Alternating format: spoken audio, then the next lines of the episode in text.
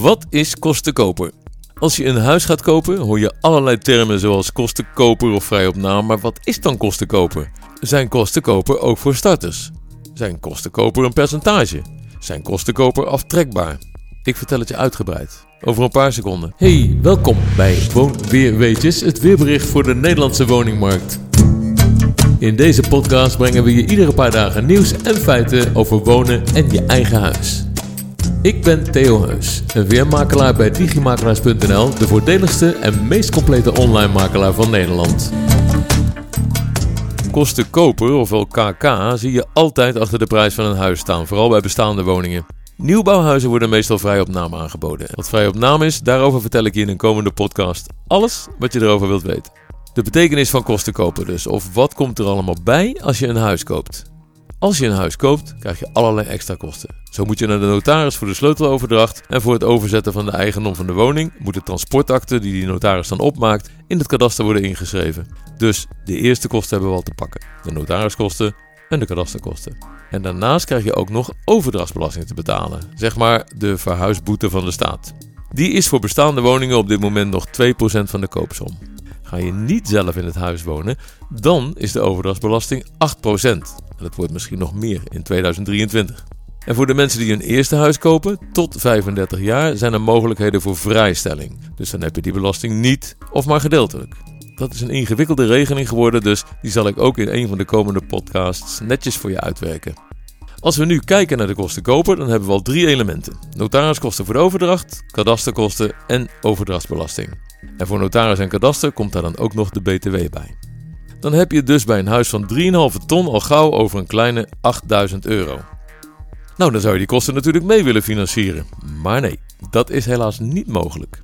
Hypotheek kun je alleen krijgen tot 100% van de koopsom of, als dat minder is, wat tegenwoordig met het overbieden nog wel eens voorkomt, 100% van de taxatiewaarde.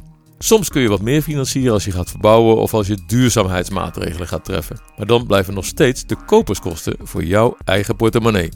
En dan ben je er nog niet. Want je krijgt ook nog bijkomende kosten voor jou als koper waar je meestal niet onderuit komt, maar die je dan wel weer kunt aftrekken voor je inkomstenbelasting. Bijvoorbeeld voor het financieringsgedeelte.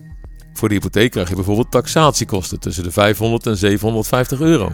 En ook nog de kosten voor de hypotheekbemiddeling. Die lopen uiteen tussen ongeveer 1500 en 3000 euro. En wil je nationale hypotheekgarantie, de zogenaamde NHG, die vangt je op als je om bepaalde redenen je hypotheek niet meer kan betalen, zoals ernstige ziekte, het kwijtraken van je baan of scheiding. Nou, voor die NHG betaal je sinds 1 januari 2022 0,6% van het hypotheekbedrag. Dus bij een hypotheek van 3,5 ton is dat ook eventjes 2100 euro. Maar daarvoor krijg je dan wel een lagere rente van je bank en die renteverlaging brengt uiteindelijk meer op dan de kosten. Dan krijg je vaak nog de kosten van de bankgarantie. Die bedragen ook een paar honderd euro. Over het hoe en waarom van de bankgarantie heb ik ook een video voor je en de link zet ik in de toelichting bij deze podcast. Tel ik het even bij elkaar, dan komen we bij dit huis van 3,5 ton al gauw op zo'n 5000 tot 6000 euro voor dat stuk financiering. Dan krijg je de aankoopmakelaar, want wil je het helemaal goed doen, dan schakel je natuurlijk een aankoopmakelaar in. Die bespaart je bij de aankoop een hoop problemen. En die krijgt in het algemeen ook een lagere koopprijs voor elkaar dan als je zelf zou onderhandelen. De aankoopmakelaar rekent soms een percentage of soms een vast bedrag. Maar ga hier ook uit van 1300 euro bij digimakelaars.nl tot zo'n 5000 euro bij standaardmakelaars. En wil je een bouwkundige keuring? Die kan ik je aanbevelen. Daar heb ik ook een video over. Ook in de toelichting de link. En trouwens ook een link naar een keuringsbedrijf waar ik veel vertrouwen in heb. Dus mocht het nodig zijn, dan heb je alvast wat. Een keuring komt op 300 tot 500 euro. En als we de hele boel bij elkaar optellen, alle kosten die ik zojuist genoemd heb, dan zit je bij dat denkbeeldige huis van 3,5 ton op 18.000 tot 20.000 euro kosten bij de koop van een huis. Ofwel zo'n 5 tot 6 procent van de koopsom. En dat mag je allemaal uit je eigen zak betalen. Dan krijg je nog de kosten van de verhuizing en van de inrichting van je nieuwe huis. Dat is voor iedereen een ander bedrag en ja, dat kun je zo duur of zo goedkoop maken als je zelf wilt of kunt. Wanneer moet je die kosten kopen betalen? Dat hangt af van de soort kosten. De echte kosten kopen betaal je bij de notaris voor de sleuteloverdracht. Alle andere kosten betaal je op het moment dat je ze maakt of achteraf, zoals de hypotheekadviseur, de taxateur, de makelaar en het keuringsbedrijf. De kosten koper in termijnen betalen is dus niet mogelijk. Alles moet betaald zijn als je de sleutel krijgt. Ik adviseer dus iedereen die een huis wil kopen om ten minste 20.000 euro op de bankrekening te hebben. Even je financiën plannen is dus mijn advies.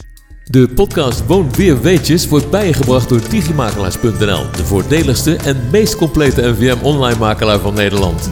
Wil je dat meer mensen op de hoogte blijven van de actualiteiten op woningmarktgebied en wil je ons helpen de podcast nog bekender te maken?